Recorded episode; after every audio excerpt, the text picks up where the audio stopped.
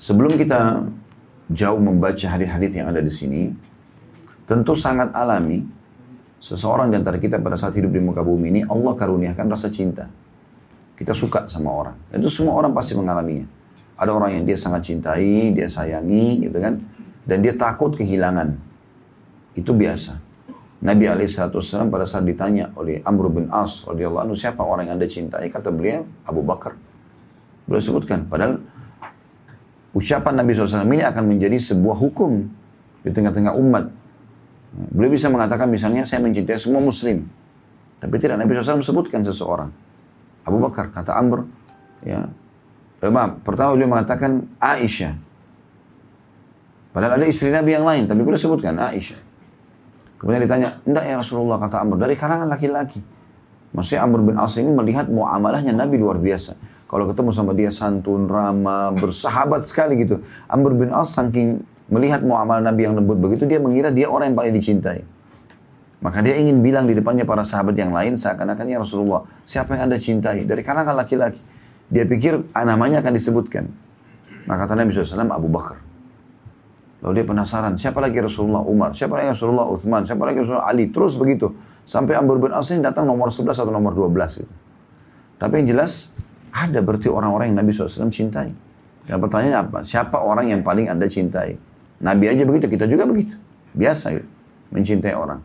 Hanya saja cinta ini ada batasan yang harus kita tahu. Beberapa poin yang harus disadari tentang masalah cinta. Yang pertama, jangan melampaui batas. Dalam arti kata melampaui batas ini, sampai akhirnya orang yang kita cintai kalau melakukan pelanggaran agama, kita nggak tegur. Terlalu cinta sama istri atau pada suami, biar melanggar, udah deh nggak usah diingatin. Gitu kan. Ini keliru. Atau terlalu cinta pada anak, anaknya melanggar kema melakukan kemaksiatan, dia nggak mau luruskan. Bahkan dibela, narkotika, udah ini, udah itu, tetap aja dibiarin. Maksudnya tidak usah dipenjarakan, tidak usah dihukum, segala macam. Enggak. Yang benar adalah biarkan merasakan hasil atau akibat daripada perbuatannya supaya dia kapok kan gitu. Itu penting. Jadi tidak boleh melampaui batas. Gitu kan. Karena semua sesuatu segala itu kalau sudah melampaui batas, otomatis akan merusak sesuatu itu. Ada orang juga kadang-kadang melampaui batas dengan kecemburuan misalnya. Ini berbahaya sekali. Akhirnya dia tidak bisa mengontrol itu. Dan kecemburuannya melampaui batas, membuat pasangan malah tidak nyaman. Sebatas normal, kalau terjadi pelanggaran agama, misalnya istri ya, tiba-tiba terbuka auratnya depan orang laki-laki dan kita merasa cemburu itu normal. Atau dia berkontek-kontekan sama laki-laki yang bukan mahramnya, normal saja. Atau misalnya e, suami berhubungan dengan perempuan yang bukan mahramnya, bukan istri, bukan saudara, bukan saudarinya, bukan ibunya dan seterusnya lalu ngomong yang tidak sudah jelas menjurus kepada zina atau, per, atau perkataan yang tidak baik, maka wajar cemburu. Tapi bukan cemburu misalnya karena kurangnya waktu, ya, atau cemburu dengan kurangnya perhatian. Mungkin kita cari udur buat pasangan kita. Mungkin dia sedang ada kesibukan, mungkin sedang ada masalah, gitu kan. Itulah yang terjadi di kalangan para salafus salih. Mereka mencintai iya. Tapi para istri Nabi Ummahatil Mu'minin sangat faham. Pada saat Nabi SAW harus pergi berperang, sekian lama nggak pulang, sebulan nggak pulang, tiga minggu nggak pulang. Mereka harus memahami bagaimana Nabi SAW membagi malam di para istri-istri yang lain. Padahal mereka sangat membutuhkan Nabi sebagai suami. Tapi kena hukum Allah. Maka mereka bisa mengontrol itu. Bagaimana tidak melampaui batas dalam masalah seperti ini. Mereka tahu agama harus didahulukan. Seperti itulah. Maka harus hati-hati. Karena kalau tidak kontrol ini jadi masalah juga. Ada orang karena membiarkan kecemburuan buta. Sehingga akhirnya membuat tembok pun dicemburui. Pasangannya berdiri di dekat tembok, kamu kenapa berdiri di sini? Pasti ada kenangannya tuh. Kan jadi masalah. Karena cemburunya buta, bukan pada tempatnya gitu ya. Atau kenapa kau suka bawa saya ke restoran ini? Pasti ada sesuatu nih. Padahal orang niatnya baik. Dan itu akhirnya merusak hubungan. Banyak sekali rumah tangga rusak karena cemburu buta. Nggak benar. Bukan pada tempatnya. Jadi cinta itu pertama tidak boleh melampaui batas. Gitu kan. Yang kedua harus karena Allah kita mencintai dan kita membenci karena Allah. Harus karena Allah. Maksudnya gini, kita mencintai pasangan kita, kita mencintai teman kita, pekerjaan kita, karena memang semua ada di situ kebaikan yang Allah ridhoi. Dan kita membenci karena Allah, artinya kita membenci perbuatan-perbuatan salahnya. Walaupun kita cinta sama dia, tetap kita benci perbuatannya. Karena itu diharamkan dalam agama. Jadi nggak boleh cinta membutakan kita. Maka ini harus karena Allah. Makanya Nabi SAW mengatakan, siapa yang mencintai karena Allah, membenci karena Allah, memberi karena Allah, menahan karena Allah. Dia tidak kasih pun karena dia tahu ini kalau dia kasih berbahaya misalnya. Maka dia telah menyempurnakan imannya. Sempurna imannya. Maka cintai istri, cintai suami, cintai anak, cintai orang tua karena Allah subhanahu wa ta'ala. Dan kita juga nanti akan tahu di situ dengan cinta karena Allah ini yang kita jadikan target adalah pahala. Indah sekali kan orang kalau saling mencintai suami istri karena mengejar ridha Allah. Maka Apalagi nih, saya sebagai suami akan berikan kepada istri. Istri juga akan mengatakan, apalagi nih yang saya harus kejar pahala dari suami saya. Pulang belanja sama-sama, suami lagi angkat kresek, istrinya bantu. Istri lagi bantu, saling bantu. Saling memberikan gitu kan, pahala. Bukan malah digoda oleh syaitan. Suaminya angkat, nah kesempatan biarin aja dia diangkat gitu kan, misal. Atau apalah, istrinya angkat. Udah apa saya kasih uang bulanan, angkat aja. Ini kan pekerjaan kamu. Enggak. Mereka saling dukung-mendukung. Ada hadis Nabi SAW masalah itu kan. Semua Allah jadikan sedekah. Bahkan engkau membantu seseorang saudaramu naik ke tunggangannya. Atau mengangkat barang kebutuhannya ke tunggangannya. Itu semua sedekah. Maka ada hal seperti ini yang lahir kalau karena Allah subhanahu wa ta'ala. Dan kata Nabi SAW, nanti akan Allah siapkan mimbar di hari kiamat. Bercahaya, para nabi-nabi pun cemburu dengan mereka. Ya, nabi-nabi dan para syuhada cemburu, tapi sini positif ya. Giptah, bukan hasad, bukan iri. Tapi sesuatu yang positif. Kayak kagum lihat bagaimana ada mimbar dekat arsnya Allah bercahaya. Di atasnya ada orang-orang bercahaya semuanya. Maka para sahabat bertanya ya Rasulullah, siapa mereka? Allah menjawab kata Nabi SAW, mereka adalah orang yang saling mencintai karena aku. Dalam riwayat lain Nabi SAW mengatakan mereka yang saling mencintai karena Allah. Jadi memang ini karena Allah semuanya. Gitu kan? Makanya pada saat ada pasangan yang sudah kita ingatkan bolak-balik tentang hukum Allah, nggak boleh lo harus pakai hijab, nggak boleh lo harus sholat, nggak boleh lo harus begini. Dia nggak mau dengar. Sudah sekian lama kita bertanya, sudah. Berarti kita benci dia karena Allah, kita tinggalkan. Nggak boleh kita habiskan umur pada orang yang tidak mau dekat kepada Allah SWT. Sudah selesai, tapi kita berikan batas waktu. Berdoa, berikhtiar, kita muhasabah, kita bertobat kepada Allah mungkin sebab dosa kita. Tapi kalau tetap saja ngotot, ya sudah. Jangan dihabiskan umur dengan orang-orang yang tidak akan bantu kita dalam ketaatan gitu ya. Harusnya kita perbaiki keadaan. Ini contoh-contoh saja. Jadi kita mencintai, membenci karena Allah SWT. Ingat selalu hadis, yang mencintai karena Allah, membenci karena Allah, memberi karena Allah, menahan karena Allah, dia telah menyempurnakan agamanya, gitu kan. Maksud dalam hikmahnya di sini, kalau kita mencintai karena Allah Subhanahu Wa Taala, pada saat mereka meninggal dunia pun kita akan ridho, nggak ada masalah gitu. Karena kita tahu yang telah mengambil adalah Allah subhanahu wa ta'ala, penciptanya. Kita pun milik Allah subhanahu wa ta'ala. Pernah Umar bin Khattab berkata kepada Nabi SAW, Ya Rasulullah, aku mencintai anda melebihi semuanya. Harta, keluarga, pokoknya apa yang anda bilang, aku ikuti semua. Kecuali diriku ya Rasulullah. Kata Nabi SAW, tidak bisa ya Umar. Sampai dirimu pun harus lebih kau cintai aku daripada dirimu. Jadi walaupun dirimu nggak suka, tapi kalau aku larang, kau harus tinggalkan. Atau aku perintahkan kau harus kerjakan. Maka Umar tundukkan kepalanya sejenak lalu angkat kepala sambil mengatakan sekarang ya Rasulullah. Saya mencintai anda melebihi semuanya. Kata Nabi sekarang hai Umar baru benar imanmu gitu. Maka memang kita harus mencintai karena Allah dan Rasulnya di sini. Karena agama. Maka itu tutup berhubungan dengan masalah cinta. Poin yang lain. Eh, dalam masalah bab kita ini. Mati. Mati sudah sering kita singgung teman-teman sekalian. Ini proses pindah dari alam dunia ke alam akhirat dan semua pasti melalui. Gak mungkin tidak. Allah berfirman dalam Al-Quran, A'udhu billahi minasyaitan rajim kullu nafsin maut. Semua jiwa pasti akan merasakan kematian. Dalam hadis yang atau dalam ayat yang lain Allah mengatakan walau kuntum fi burujin musyayyada. Aina ma taqulu yudrikumul maut walau kuntum fi burujin musyayyada. Di mana pun kalian berada pasti mati akan mendatangi kalian walaupun kalian berada di bangunan yang sangat kokoh. Para nabi-nabi pun meninggal, orang-orang semua meninggal, kita pun akan meninggal. Nah, kita harus pahami poin penting dalam masalah meninggal adalah persiapan menjelang kematian dan juga ridho dengan kematian itu. Untuk supaya muncul persiapan, maka kita harus tahu dan memahami tentang uh, perlunya ada persiapan-persiapan di akhirat, ada timbangan amal, ya, ada surga dan neraka, itu kita baca.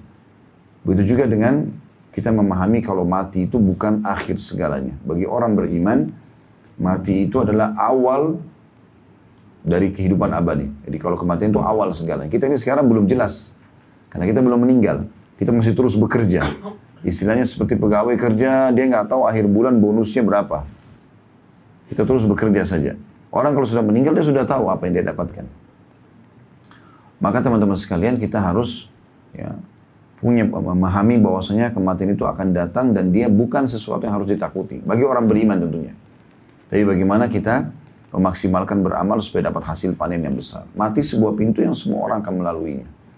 Saya pernah sebutkan itu, para salafus saleh, para sahabat, kalau ada yang mau meninggal di antara mereka, teman-temannya datang lalu mengatakan, berita gembira buat kamu.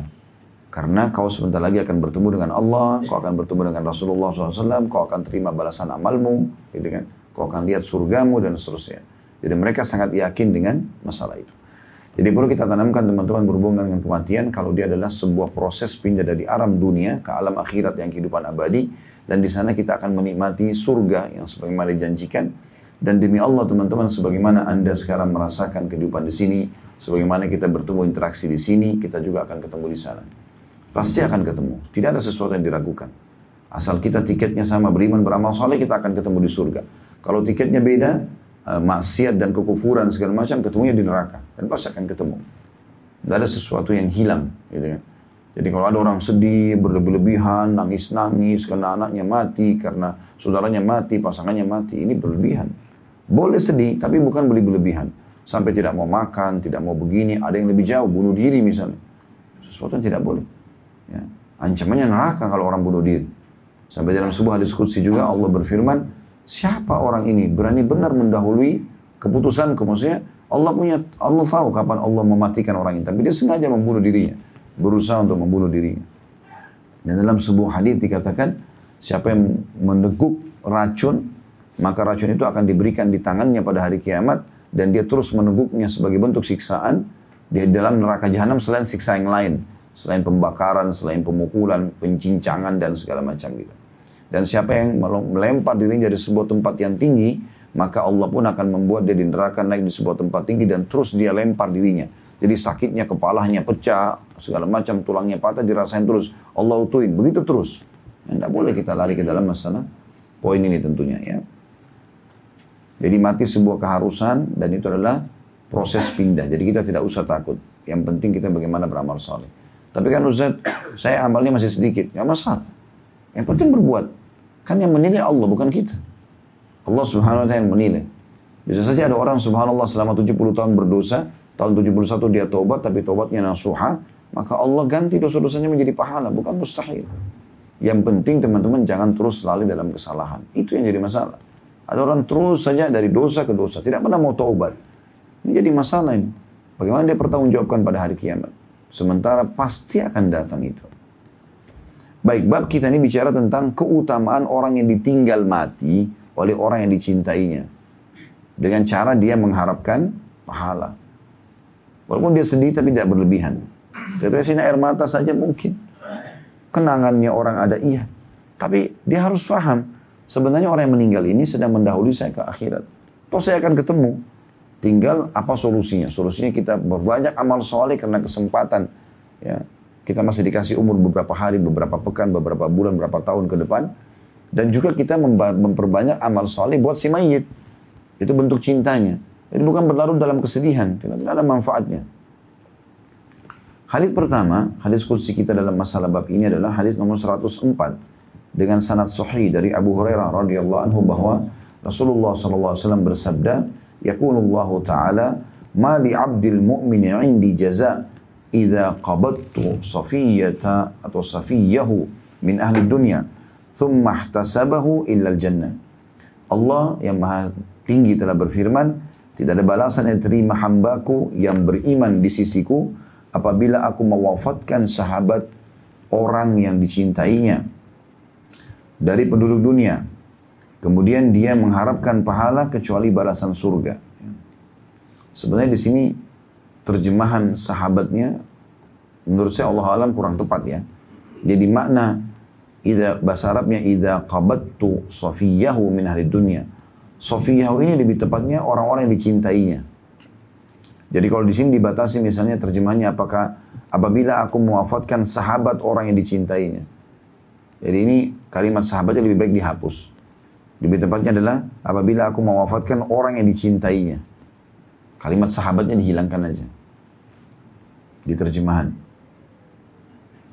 Saya ulangi terjemahannya. Allah Ta'ala berfirman, tidak ada balasan yang diterima hambaku yang beriman di sisiku apabila aku mewafatkan orang yang dicintainya dari penduduk dunia.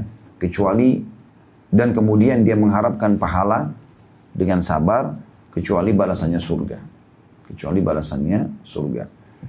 Hadis ini memberikan pelajaran kepada kita bagaimana balasan yang pertama tentunya orang yang sabar dalam menghadapi setiap cobaan. Termasuk di sini dia bersabar dengan meninggalnya anaknya, meninggalnya suaminya, meninggalkan meninggalnya istrinya, meninggalnya orang tuanya. Dia sedih, tapi dia tidak boleh berlarut-larut dalam masalah itu. Tentu tadi motivasinya apa yang kita sebutkan dalam mukaddimah atau pembukaan tadi. Dia yakin dia juga akan mati dan dia akan pindah ke alam abadi, toh juga dia akan ketemu di sana.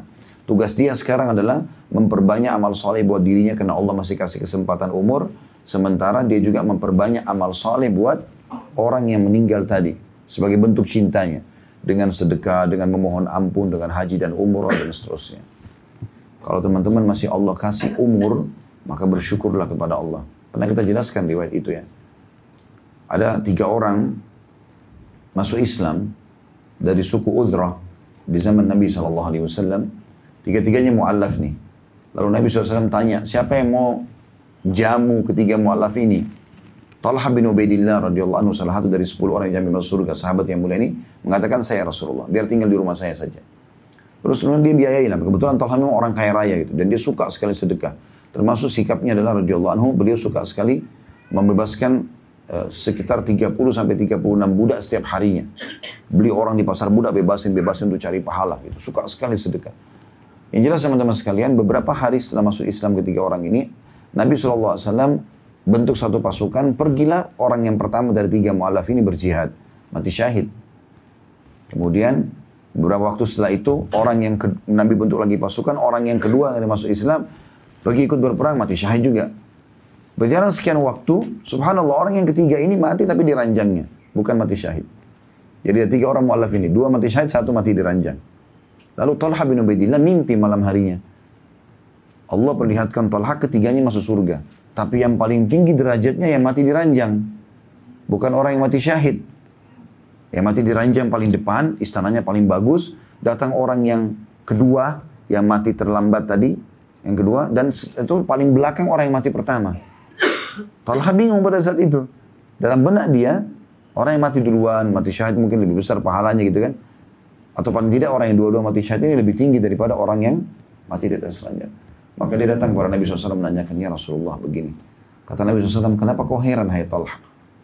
Sesungguhnya tidak ada yang lebih baik bagi seorang muslim dibandingkan umur yang masih Allah kasih dan kesempatan beramal saleh. Ketahuilah dalam riwayat yang dikatakan jarak antara mereka seperti langit dan bumi. Maksudnya orang yang tidak mati syahid pun karena masih punya kesempatan sholat, puasa. Misal teman-teman punya istri, punya suami atau punya teman meninggal satu bulan yang lalu. Kita masih dikasih umur sebulan, kita meninggal sebulan setelahnya. Satu bulan ini mahal sekali nilainya. Karena kita isi dengan sholat, kita isi dengan zikir, kita isi dengan Quran, itu tidak bisa dikejar oleh orang yang sudah meninggal. Maka jangan sia-siakan ini. Artinya kalau ada orang yang meninggal yang kita cintai, tugas kita adalah kitanya lebih termotivasi untuk beramal soleh kesempatan dan juga berbanyak amal buat dia. Maka ini yang jadi poin yang harus kita ambil dari hadis ini tentunya. Kemudian ini keutamannya ya. Keutamaan yang lain adalah Nabi SAW, Allah SWT menjanjikan balasannya surga. Tentu balasan surga, ya, seperti janji yang seperti dalam hadis ini, itu tidak berdiri sendiri saja. Kata sebagian ulama. Jadi di sini berlaku yang pertama bagi orang muslim. Kalau kita lihat lafadz hadis secara umum, gitu kan, maka bisa semua orang mendapatkan, tapi di sini muslim. Kemudian yang kedua, yang mendapatkan ini juga adalah orang-orang yang memang tidak membatalkan keislamannya selama dia jadi selama dia hidup. Ini itu.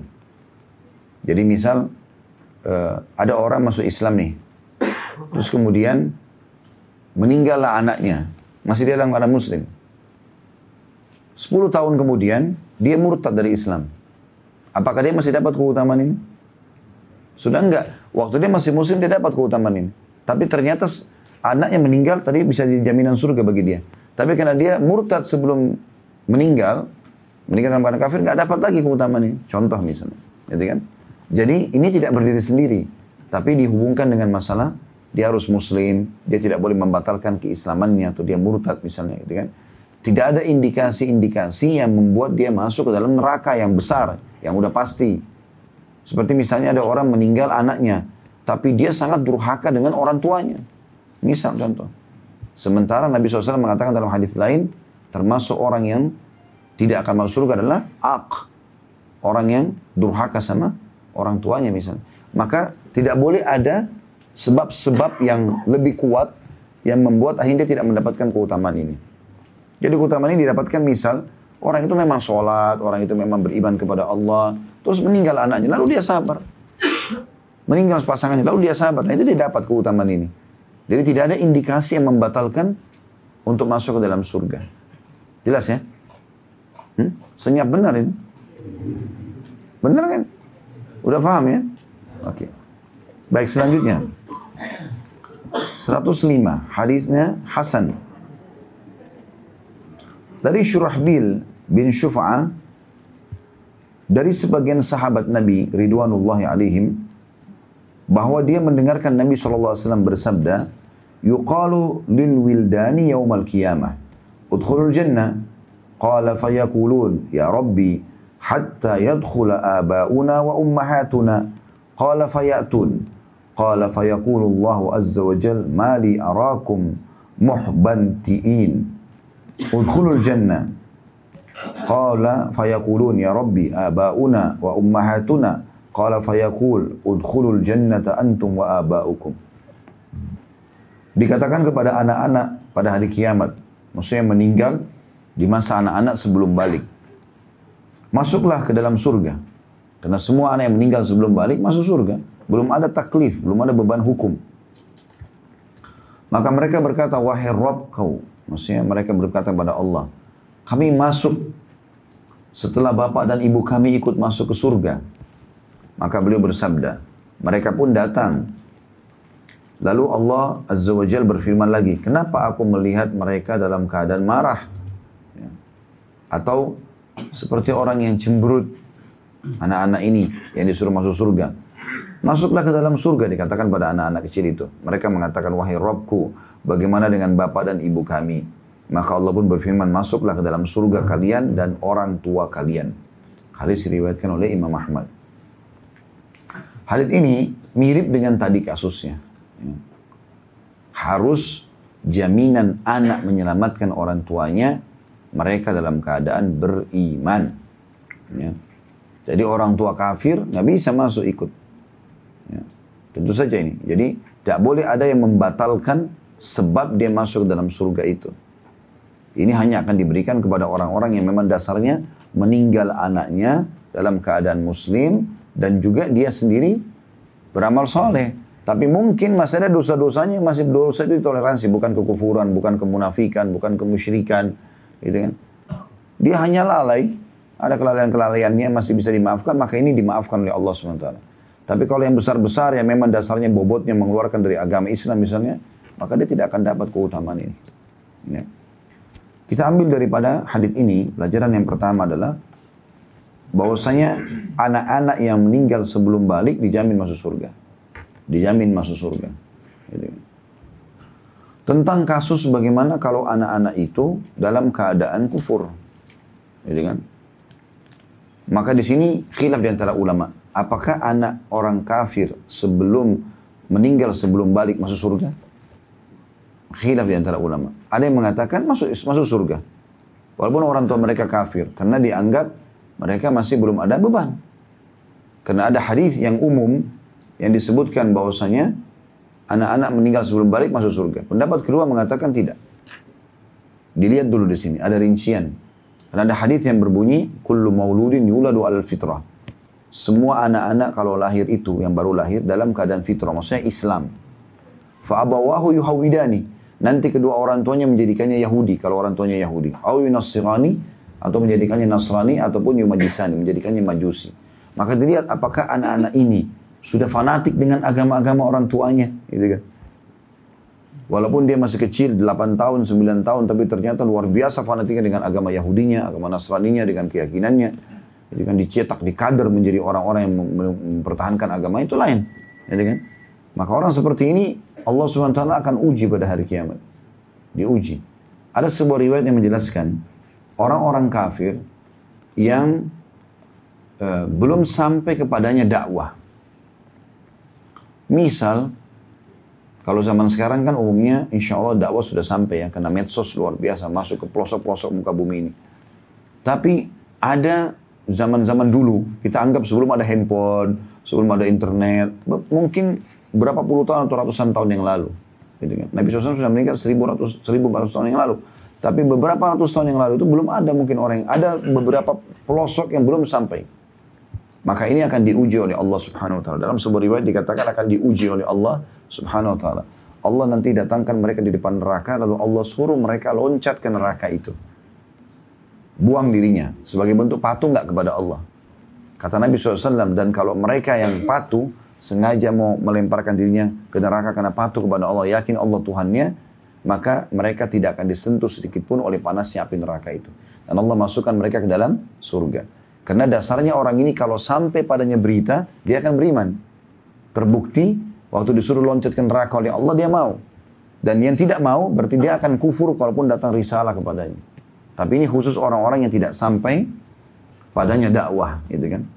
Zaman-zaman dulu di pelosok-pelosok muka bumi ini. Ya. Allah alam kalau zaman sekarang masih ada. Gitu.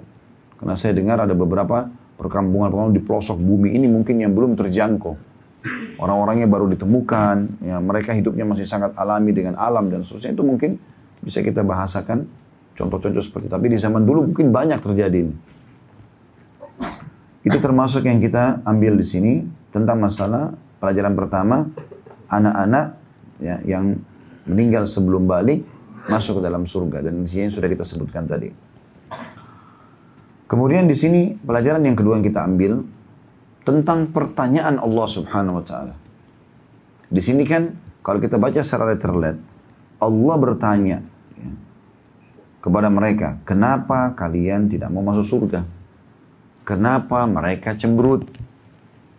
Ini kalau tidak difahami secara ilmu yang benar, orang akan menilai tanda kutip ya. Seakan-akan Allah ada yang Allah tidak tahu. Nah, gitu. Kenapa harus Allah perintahkan anak-anak ini masuk surga, terus masih ada yang tidak mau masuk surga dan seterusnya. Ini ada sebuah riwayat menjelaskan masalah itu. Riwayat yang sahih mirip dengan ini berbunyi, nanti akan terdengar suara gemuruh di depan pintu surga. Lalu Allah bertanya kepada para malaikatnya, kata Nabi SAW, suara apakah itu? Sementara Allah lebih tahu suara apa itu. Allah menanyakan ini bukan berarti Allah tidak tahu. Allah tahu. Tapi Allah menjadikan itu sebagai proses interaksi antara Allah sang pencipta dengan para malaikat. Ya kan? Untuk membuat kita ini manusia tidak punya hujah lagi. Nggak punya bantahan di hadapan Allah SWT pada hari kiamat. Kenapa ya Allah? Kenapa ya Allah?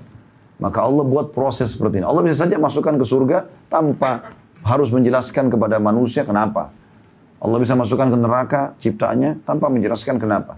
Tapi Allah SWT tidak turunkan syariatnya, Allah jelaskan, Allah segala macam gitu. Jadi pertanyaan ini bukan berarti Allah tidak faham. Maka hadis yang menjelaskan tadi. Akan terdengar gemuruh di depan surga, lalu Allah bertanya kepada para malaikat yang suara apakah itu, sementara Allah lebih tahu suara apa itu. Maka mereka berkata itu adalah anak-anak muslim yang meninggal sebelum balik, mereka minta agar orang tua mereka dimasukkan bersama mereka ke surga, lalu Allah berfirman masukkanlah mereka bersama orang tuanya ke dalam surga. Kemudian pelajaran yang ketiga adalah keutamaan bagi orang yang memiliki anak meninggal sebelum balik. Ya. Jadi ini sangat berhubungan dengan poin yang sebelumnya tadi, hadis sebelumnya, hadis 104. Kalau ada orang tentu anak ini beda ya. Subhanallah anak ini tidak ada istilah mantan anak. Ini. Tapi kalau pasangan cerai ada dikatakan mantan istri, mantan suami, tapi anak gak mungkin gitu ya. Maka sekali lahir ya sudah statusnya anak kita. Di dunia dan di akhirat. Gitu kan. Maka setiap ayah dan ibu pasti punya kedekatan jiwa dengan anaknya. Kenapa di sini dalam hadis hanya disebutkan anak. Kenapa bukan saudara? Kenapa nggak ada orang tua? Karena kata ulama karena anak punya kedekatan jiwa tersendiri. Mereka punya kedekatan jiwa. Kapan kita baik sama mereka di masa kecil, mereka akan bakti sama kita di masa tua. Gitu kan? Mereka termasuk amal-amal jariah. Bahkan anak-anak ini bisa mengejutkan orang tuanya, gitu kan, dengan pahala yang besar. Disebutkan dalam sebuah hadis Bukhari, pada hari kiamat nanti ada orang di surga diberikan pahala bergunung atau pada saat masuk surga diberikan pahala bergunung-gunung dan diangkat derajat yang sangat tinggi, derajat sangat tinggi di surga. Karena mereka tahu ini belum pernah mereka buat, maka mereka mengatakan dari mana ini pahala-pahala ini derajat tinggi ini. Maka para malaikat mengatakan dari istighfar anakmu untukmu. Jadi manfaatnya besar sekali gitu ya. Seperti itulah. Maka di sini ada keutamaan tersendiri. Kalau Allah SWT karunia bapak ibu anak, maka bersyukurlah kepada Allah SWT tentunya. Dan ini tanpa menyinggung orang yang belum dikaruniai anak tentunya. Nanti kita coba berikhtiar, kita coba berdoa. Yang belum dikaruniai terus berusaha. Supaya Allah Subhanahu Wa berikan kepada Yang sudah Allah berikan, jangan malah disiksa anaknya. Banyak orang begitu. Dia jadikan anak itu sebagai ajang emosional. Sedikit-sedikit marah, sedikit-sedikit pukul, diusir. Akhirnya menjadi anak-anak yang uh, rusak. Ya, hanya rusak di masyarakat. Kita temukan yang jadi preman-preman segala macam memang broken home di rumah gitu rusak semuanya karena orang tuanya kasar, taunya benci sama dia, taunya cuma dimarahin dan segala macam hal. Kita justru terbalik, rawat mereka dengan baik, jadikan mereka sebagai amal jariah. Apalagi kalau bapak ibu dikarunia anak perempuan, itu luar biasa keutamaannya. Sampai tentu anak laki-laki sama perempuan kita harus adil, tapi kalau karunia anak perempuan, orang-orang Quraisy benci dengan itu. Mereka nggak suka dulu sebelum Islam ya. Allah ceritakan dalam Al-Quran kalau Allah kasih mereka anak perempuan, muka mereka merah, memerah dan marah. Dan mereka cuma bisa punya dua pilihan pada saat itu. Mereka mempertahankan anak perempuannya tapi malu di tengah-tengah masyarakat. Karena dianggap anak perempuan tidak akan punya kedudukan. Gak bisa jadi kepala suku, gak bisa jadi prajurit perang, gak bisa jadi panglima perang, gak bisa kerja cari nafkah, gak bisa begini dan begitu. Perempuan hanya sekedar dianggap tempat untuk melahirkan anak selesai. Gitu kan. Maka mereka umumnya mempertahankan dalam kondisi malu atau membunuh anaknya hidup-hidup. Kita sudah tahu Allah turunkan banyak ayat Al-Quran berhubungan dengan masalah Allah menegur mereka. Wa idal mau'udatu su'ilat bi bin kutilat. Pada saat anak-anak bayi perempuan yang dikubur hidup-hidup itu ditanya, kenapa? Dosa apa mereka lakukan? Maka Nabi SAW memotivasi kaum muslimin mengatakan siapa yang dikaruniai oleh Allah tiga orang anak perempuan dia urus dengan baik sampai balik ya balik ini bisa bermakna juga menikah ya maka kecuali dijamin baginya surga. Ada sahabat, ada sahabat bertanya, ya Rasulullah kalau dua, kata Nabi dua juga. Riwayat dan kalau satu ya Rasulullah, satu juga. Karena anak perempuan beda kita menjaganya sama anak laki-laki. Nah, laki-laki tidak akan pernah kenal hamil di luar nikah. Nah, bila walaupun dia berzina, nggak ada hamilnya kan gitu. Nggak ada malunya di masyarakat. Ada tapi tidak sebesar kalau perempuan. Sekali tercoreng, coreng namanya, coreng nama keluarganya semua. Gitu kan. Sekali perawannya pecah bukan pada suaminya, maka sudah cukup merusak citranya di mana-mana gitu. Maka menjaganya beda gitu ya. Kalau anak ini luar biasa keutamaan-keutamaannya. Tapi kita harus tetap berlaku adil. Anak laki-laki pun berlaku adil. Kalau ada yang bertanya, kenapa perempuan didahulukan dari sisi keutamaannya? Sebagian ulama coba menjawab masalah itu. Mengatakan karena anak perempuan memang batas dia berbakti pada orang tuanya ada. Hanya sampai dia menikah. Kan gitu. Dia setelah menikah juga boleh berbakti, tapi tidak sebesar anak laki-laki. Kalau sudah menikah perempuan, dia harus bakti nomor satu kepada suaminya. Suaminya bilang jangan keluar, orang tuanya bilang keluar, maka dia tidak boleh keluar. Kan gitu. Tapi kalau anak laki-laki, mau sudah menikah atau belum menikah, sama. Orang tua nomor satu. Gak boleh didahulukan istrinya. Bahkan bisa masuk dalam bab durhaka. Ya, kalau istrinya bilang, pilih saya atau ibumu. Ya, ya tentu ibunya. Gak mungkin ini. Makanya jangan muslimah jadi bodoh di sini selalu mengatakan itu pada suaminya gitu kan. Pilih saya, kok kalau ibumu selalu perhatian, kalau saya enggak, pilih saya atau ibumu. Ya pasti ibunya lah, gitu kan. Nggak boleh seperti ini.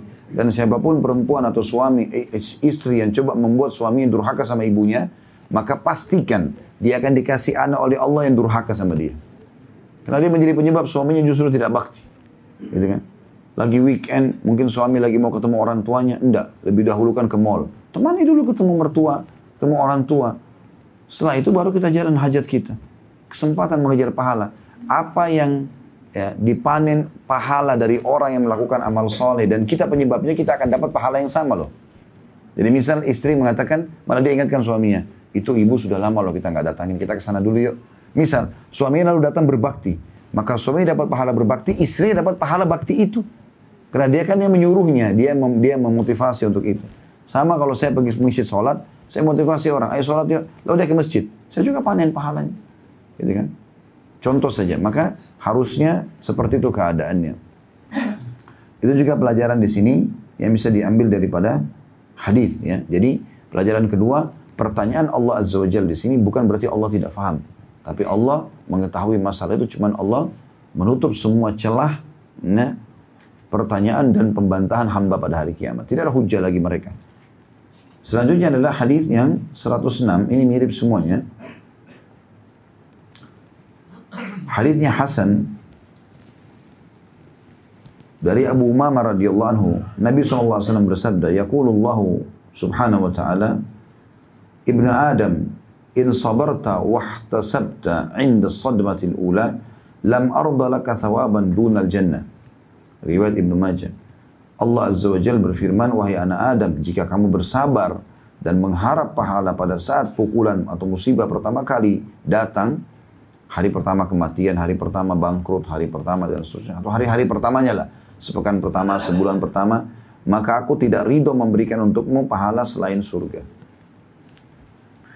Poin penting dalam hadis ini teman-teman sekalian, kita harus tahu. Dan ini sudah sering kita ingatkan, kita ulangi lagi. Ada sunnatullah yang Allah ciptakan, ada sistem.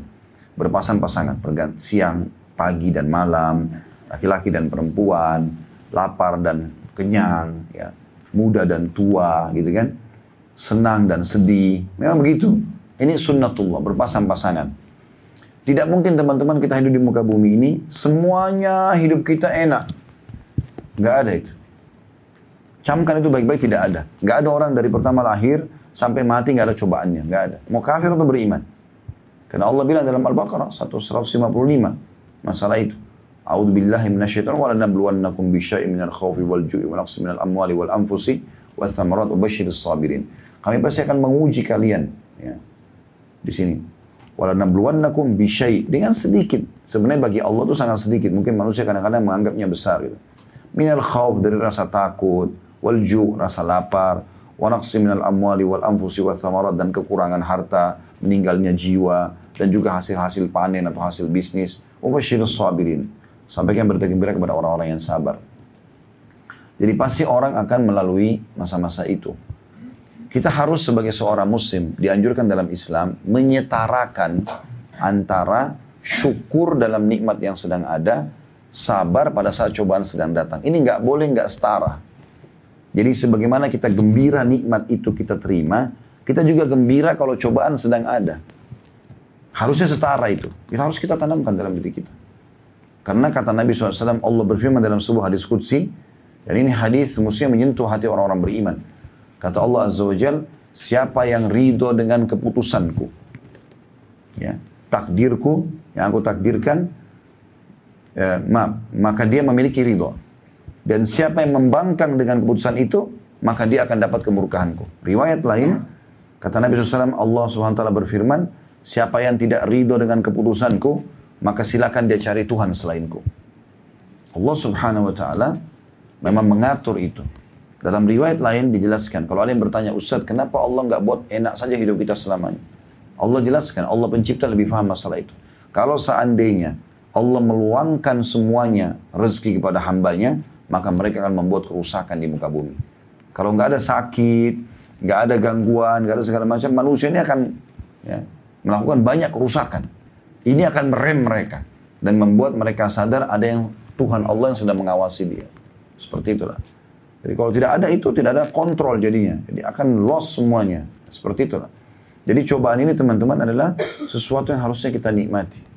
Ada sebuah hadis Nabi juga yang berbunyi, ketahuilah, ada hamba-hamba beriman, kata Nabi SAW. Waktu ditanya oleh para sahabat, ya Rasulullah, siapa orang yang paling berat cobaannya? Kata Nabi SAW, para nabi-nabi. Lalu siapa ya Rasulullah? Orang yang mendekati imannya para nabi-nabi. Jadi kalau Bapak Ibu merasa cobaannya kok berat sekali, itu bertanda keimanan. Ya. Untuk jadikan sebagai bahan eh, introspeksi diri, memperbaiki kalau ada kesalahan, sekaligus kita bersabar mengejar pahala kalau memang kita anggap kita tidak buat salah berarti cumanya sedang datang tiba-tiba jalan orang caci maki lah apalah segala macam kita nggak ada kesalahan sebelumnya maka itu berarti peninggian derajat gitu kan Kata Nabi SAW, orang-orang yang mendekati iman para nabi-nabi. Ketahuilah, orang-orang beriman itu, kata Nabi SAW, maksudnya orang sudah sampai pada level tingkat iman yang tinggi, mereka diuji oleh Allah sampai pada tingkat mereka tidak punya tambalan baju mereka. Diuji sama Allah dengan kemiskinan, sampai mereka tidak punya tambalan baju kecuali sisa-sisa kain yang mereka temukan dan mereka tampal. Mereka tidak punya makanan kecuali sisa makanan, kata Nabi SAW. Tapi mereka mencintai cobaan tersebut sebagaimana kalian cintai kenikmatan. Ada perasaan itu. Jadi termasuk tanda keimanan teman-teman, kalau kita lagi sehat, Alhamdulillah. Kita lagi dicoba pun, Alhamdulillah. Karena dengan kita sakit misalnya, kita jadi tahu nilainya sehat. Toh, Nabi SAW mengatakan sebagai orang muslim kita harus yakin, Allah tidak pernah turunkan penyakit kecuali Allah turunkan kesembuhan bersamanya. Berobatlah wahai hamba-hamba Allah. Berarti kita punya solusi, bukan tidak punya. Tapi Allah memperlihatkan kepada kita tentang variasi kehidupan ini. Jadi kita harus paham poin ini. Ya. Jadi nikmati kesabaran itu. Kalau kita nikmati sebuah cobaan itu, dalam arti kata di sini bukan kita tidak ikhtiar cari jalan keluar ya, tapi kita faham ternyata Allah sedang menguji saya dan saya coba bisa melalui ini, gitu kan? Maka insya Allah dia akan lulus dan setiap cobaan teman-teman makin berat berarti makin ada sesuatu yang besar menunggu Anda di ujung cobaan tersebut. Ya. Saya yakin kita sudah sering menghadapi cobaan dalam hidup kita. Tapi kita tahu bahwasanya setelah kita melaluinya, kita tahu ternyata ada ujungnya. Memang begitu. Sampai ajal kita datang. Tapi kalau selama ajal belum datang, pasti Allah mengatakan fa inna mal usri yusra. Inna mal usri yusra. Pasti ada kes, setelah kesulitan ada kemudahan. Ya. Sebagian ulama bahkan mengatakan orang itu jadikan sebagai bahan muhasabah atau tidak, tetap permasalahannya akan redah. Jadi kan? Kata Nabi SAW dalam hadis yang lain, Allah menciptakan segala sesuatunya itu bermula dari kecil, baru membesar. Kayak kita manusia misalnya, bayi, anak-anak baru besar gitu kan. Pohon, Allah ciptakan bibit kecil sampai jadi pohon besar. Begitu semuanya, kecuali cobaan. Allah ciptakan dia besar dulu, baru dia mengecil. Begitu hadisnya. Jadi semua masalah pasti kita anggap besar awalnya, tapi nanti jadi kecil dia. Kata ulama, orang itu memahami itu sebagai pelajaran dari Allah, sehingga dia muhasabah, dia istighfar, dia kesempatan dekatkan diri pada Allah, atau orang itu tidak jadikan bahan muhasabah. Dia akan lalui permasalahannya itu. Tapi mungkin ada orang, kalau tidak tidak jadikan bahan muhasabah, tidak mengembalikan hak orang lain, nanti hukumannya ada, bisa dia di penjara, apa segala macam. Tapi akan rendah. Nanti akan kecil masalah itu bagi dia.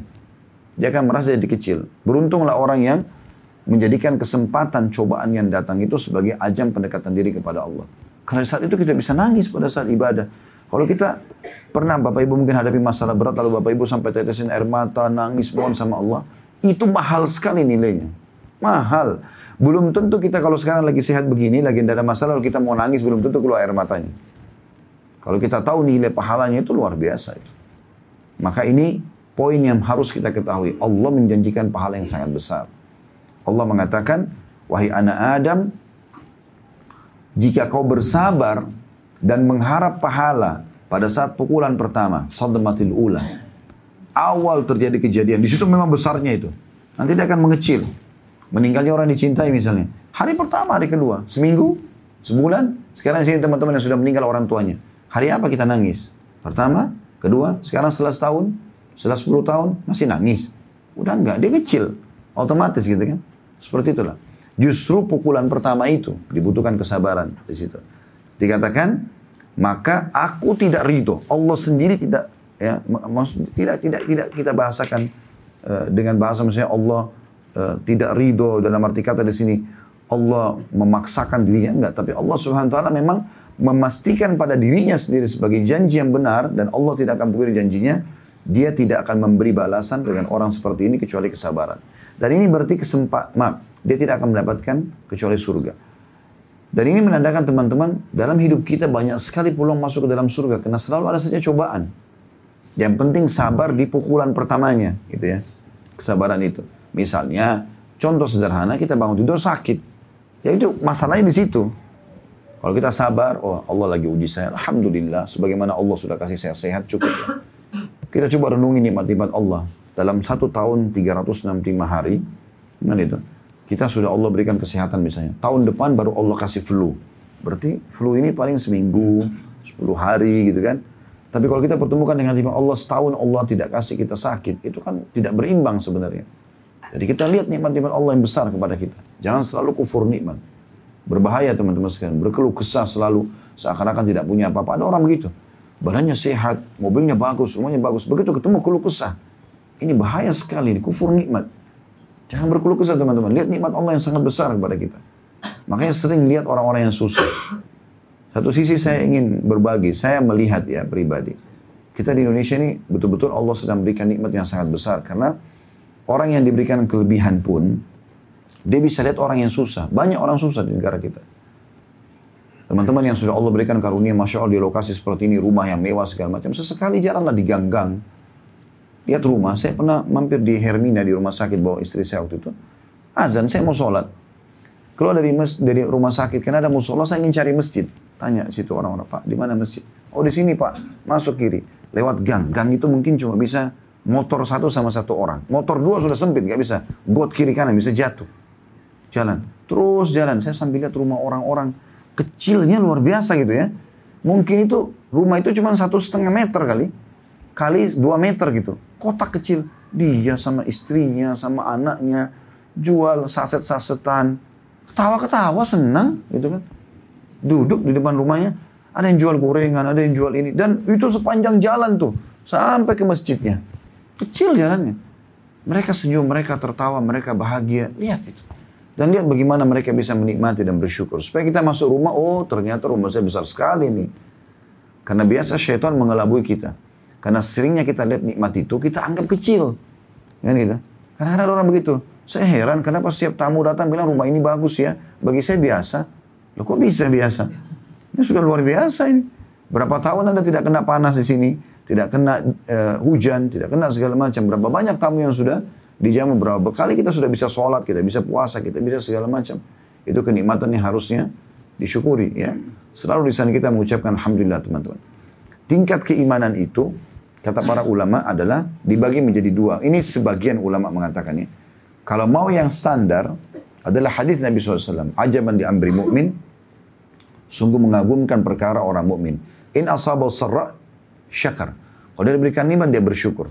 Standar ada nikmat, makanan, sehat segala alhamdulillah. Wa in asabau dharra sabar. Kalau diberikan cobaan dia bersabar. Wala yakunu dzalika illa lil. Itu tidak dimiliki itu tidak dimiliki kecuali orang beriman. Ini standarnya orang beriman. Adakah lebih tinggi? Ada. Orang muhsin. Siapa muhsin ini? Diberikan nikmat bersyukur, diberikan cobaan bersyukur. Disyukuri sama dia. Lagi sakit, Alhamdulillah, saya sudah lama nggak sakit nih. Ya, dia tahu itu.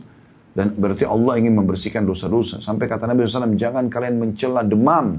Karena orang kalau demam keluh kesah biasa kan, panas nih, aduh gimana kan. Kata Nabi SAW, jangan kalian celah demam. Karena dia bisa membersihkan dosa seperti api membersihkan karat dari besi. Nikmati aja, enjoy. Karena kita marah, nggak marah, tampaknya sama.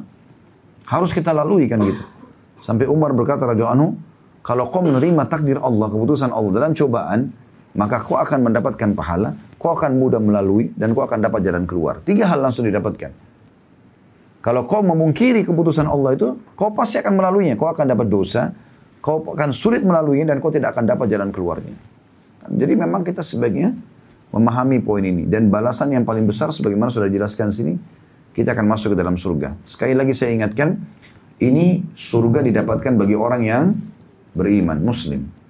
Tidak berlaku ini ya kepada orang-orang kafir. Karena syarat masuk surga harusnya muslim. Hadis selanjutnya, ini hadis terakhir dalam bab kita, nomor 107. Dan insya Allah kita tutup dengan ini, dengan sanad Hasan dari Abu Musa al-Ash'ari radhiyallahu anhu bahwa Rasulullah SAW bersabda, "Idza mata waladul abdi, qala Allah li malaikati, qabad qabattum walad abdi?" Fayaqulun na'am. Fayaqul qabattum thamarata fuadi? Fayaqulu na' fayaquluna na'am. Fayaqulu madza qala abdi? Fayaqulun hamidaka wastarja'a. Fayaqulu Allah ibnu li abdi baitan fil jannah wa sammuhu baital hamd. Jika anak seorang hamba meninggal, seorang di antara kita anaknya meninggal dunia sebelum dia, maka Allah bertanya kepada para malaikatnya, kalian telah mencabut nyawa anak hambaku. Mereka menjawab, iya. Lalu Allah, dia bertanya lagi, Allah SWT, kalian telah mengambil buah hatinya. Mereka menjawab, iya. Lalu dia lagi bertanya, subhanahu wa ta'ala, apa yang dikatakan hambaku pada saat engkau kalian mencabut ruhnya anaknya? Mereka menjawab, para malaikat, dia memujimu dan beristirja. Alhamdulillah. Nah, mengucapkan inna lillahi wa inna rajiun. Selain memujimu, alhamdulillah, dia juga mengucapkan kalimat istirja artinya kami milik Allah, kami akan kembali kepada Allah. Inna lillahi wa inna rajiun. Lalu Allah berfirman, bangunlah sebuah rumah atau istana di surga untuk hambaku itu dan berilah namanya nama istana itu dengan Baitul Hamd atau rumah pujian. Hadis ini riwayat Tirmidzi dan Ibnu Hibban dan dihasankan oleh Syekh Albani. Kita ambil pelajaran-pelajaran dari hadis ini teman-teman. Yang pertama mirip dengan sebelumnya tadi. Sebab pertanyaan Allah Subhanahu wa taala di sini bukan berarti Allah tidak faham. Allah Subhanahu wa taala alim. Nah, maha mengetahui segala sesuatunya. Ya, alim ini artinya pakai ain, maha mengetahui. Ya. Dan Allah subhanahu wa ta'ala bertanya kepada para malaikatnya ini untuk menunjukkan kepada kita manusia ada interaksi antara Allah dengan makhluknya gitu kan. Lalu dia bertanya supaya malaikat ini menjalankan tugasnya. Jadi bukan karena Allah tidak faham. Tapi Allah subhanahu wa ta'ala memahami masalah itu. Di sini kan pertanyaan Allah. Apakah kalian mencabut ruhnya anak hambaku mereka mengatakan iya. Apakah kalian mengambil buah hatinya? Mereka mengatakan iya. Pertanyaan Allah bukan tidak faham karena Allah yang tentukan keputusan itu. Ya. Pelajaran kedua yang kita bisa ambil, sebagaimana juga saya jelaskan tadi, anak memang itu adalah buah hati. Bagi orang yang ikhlas mendapatkan anak itu. Karena ada orang juga tidak mengharapkan anak. Gitu kan? Dia menikah memang tidak mau punya anak dari awal. Maka inna malam malu bin niat. Allah akan tidak tidak akan kasih dia anak gitu. Tapi di sini Kalaupun ada maka memang mereka buah hati kita. Harusnya kita melihat mereka bagian daripada tubuh kita. Bagaimana Bapak Ibu menjaga tangannya, menjaga matanya, menjaga anggota tubuhnya semua supaya tetap sehat, rapi, bersih. Begitulah kita harus berlaku pada anak-anak kita sebagai amanah. Dan kalau teman-teman mau lihat penghuni surga yang masih hidup di muka bumi, itu anak-anak kita yang belum balik. Itu mati masuk surga. Saya bilang sama istri saya, mau lihat ahli surga, lihat anak-anak ini sekarang. Ini mereka meninggal masuk surga. Bukan cuma itu. Kita sebagai orang tuanya dapat bonus nih. Mereka masuk surga, kita juga ditarik sama mereka. Gitu kan? Maka berbuat baik sama mereka. Ini yang bertakwa kepada Allah, orang yang suka tahu emosional aja sama anaknya, marah sana sini, selalu salah. Anaknya nggak ada benarnya. Begitu masuk rumah yang paling pertama adalah marah dulu. Gak ada waktu. Teman-teman simpan handphonenya, duduk ngobrol sama anak-anak, gitu kan. Ini penting untuk duduk ngobrol sama mereka, tanyakan, Bagaimana Allah ceritakan interaksi antara Ibrahim AS sama Ismail, anaknya, gitu kan. Dan bagaimana Ismail karena kedekatan diri sama ayahnya yang saleh, akhirnya juga menjadi saleh, Allah nobalkan jadi nabi. Sampai waktu mau disembeli dia pasrahkan dirinya. Kan ada interaksi antara orang tua sama anak diceritakan kan gitu. Bagaimana uh, Imran dengan istrinya dalam surat Imran berdoa kepada Allah SWT agar anak yang lahir di perutnya atau hamil di perutnya istrinya Imran ini menjadi anak yang saleh laki-laki atau perempuan dan lahirlah Maryam dan Maryam dididik dengan baik sampai akhirnya Allah sucikan, Allah muliakan lahirlah Isa dari rahimnya dan seterusnya. Dan banyak sekali kisah-kisah berhubungan dengan masalah hal-hal seperti ini. Maka butuh ada komunikasi. Di antara hal yang baik dalam komunikasi adalah tentu jangan juga teman-teman kita ini yang diatur oleh anak-anak, tapi kita yang mengatur. Itu termasuk poin yang harus digarisbawahi dalam pendidikan anak. Biasakan, saya pernah bilang itu, kalau ada anak, jangan kasih pilihan kepada mereka. Tapi kita yang memedikan sebagai orang tua, karena kita lebih faham, gitu kan. Tapi kita selalu niatkan ikhlas, karena ini amanah dari Allah, supaya kita dapat pahala dari anak itu. Ya. Ada juga orang tua terlalu berlebihan dalam mencintai anak, akhirnya selalu, ada pernah gitu beberapa jemaah kami umroh, anaknya masih kecil, tapi selalu ditanya, bagaimana dek, bagaimana dek, anak, anaknya terus ditanya, masih kecil, belum paham apa-apa. Akhirnya anaknya mengatakan, udah kita sholat sini aja ayah, kita di sini aja. Ayahnya diatur. Enggak, ini nggak benar juga. Jadi bukan seperti itu, karena anak itu belum paham. Biarkan dia mengambil ilmu dari kita. Jadi harus pada tempatnya ini, harus pada tempatnya. Tapi intinya teman-teman menyayangi anak bagian daripada syariat kita.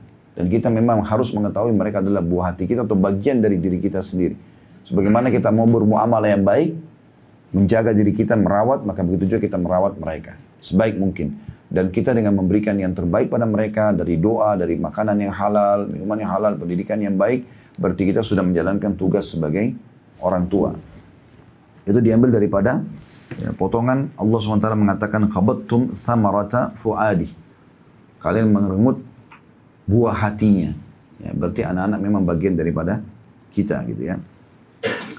Kemudian di sini pelajaran yang lain yang ketiga kita ambil adalah bagaimana orang yang mendapatkan istana di surga dengan istilah istana hamd atau istana pujian hanya orang yang pada saat meninggal anaknya ada di sini syaratnya ya waktu Allah bertanya malaikat ya apa yang hambaku katakan pada saat kalian wafatkan anaknya? Maka dua. Hamidaka wastarja'ah. Hamidaka artinya hamidaka, hamidaka artinya mereka memujimu. Jadi yang kalimat pertama terucapkan pada saat musibah datang, Alhamdulillah. Gitu kan? Seperti itulah. Alhamdulillah. Saya pernah cerita tentang Urwa bin Zubair, kalau masih ingat rahimahullah, seorang ulama tabi'in. Kakinya dipotong satu waktu dia dipotong satu bersamaan dengan waktu yang sama anaknya meninggal, maka orang datang bertakziah ke rumahnya untuk anaknya kena meninggal juga karena kakinya dipotong, gitu kan. Tanpa sakit, tanpa apa gitu, tiba-tiba ada kena penyakit yang membuat kakinya harus dipotong. Ringkas cerita akhirnya orang-orang datang. Begitu orang datang banyak orang yang tidak tahu mau ngucapin apa karena ini ulama besar, mau diajarin apa dia faham gitu kan. Tapi akhirnya ada orang memperlihatkan wajah-wajah yang sedih. Maka kata Urwa sambil tersenyum dia mengatakan, Jangan ada yang mengucapkan kepadaku kalimat kesedihan. Karena sungguhnya Allah mengaruniakan aku empat orang anak, Allah ambil satu. Alhamdulillah. Allah masih tinggalkan lebih banyak. Allah berikan aku empat atraf. Atraf itu kayak dua tangan, dua kaki. Allah ambil satu. Kaki satu. Masih ada tiga. Alhamdulillah. Begitu loh mereka melakukannya. Jadi mereka lihat nikmat Allah yang lebih besar gitu. Ya, saya kadang-kadang juga melihat begitu. Ada orang berkeluh kesah saya kena penyakit gula Ustaz, saya begini dan begitu. Pernah datang ke saya gitu. Tapi subhanallah duduk, ngobrol, masih berjalan. Datang ke pengajian. Lo berarti nikmatnya Allah besar sekali. Kenapa harus terbebani dengan masalah itu? Sudah tinggal obat, sabar. Gitu kan? Laluilah itu, nikmati saja. Ingat setelah sabda Nabi SAW, Allah tidak turunkan penyakit kecuali Allah turunkan bersamanya obat. Kan begitu. Jadi kita memuji Allah SWT dalam masalah itu. Karena Allah tidak mungkin jadikan itu kecuali dengan hikmahnya. Dan kemudian jangan lupa yang kedua istirja. Selalu ini.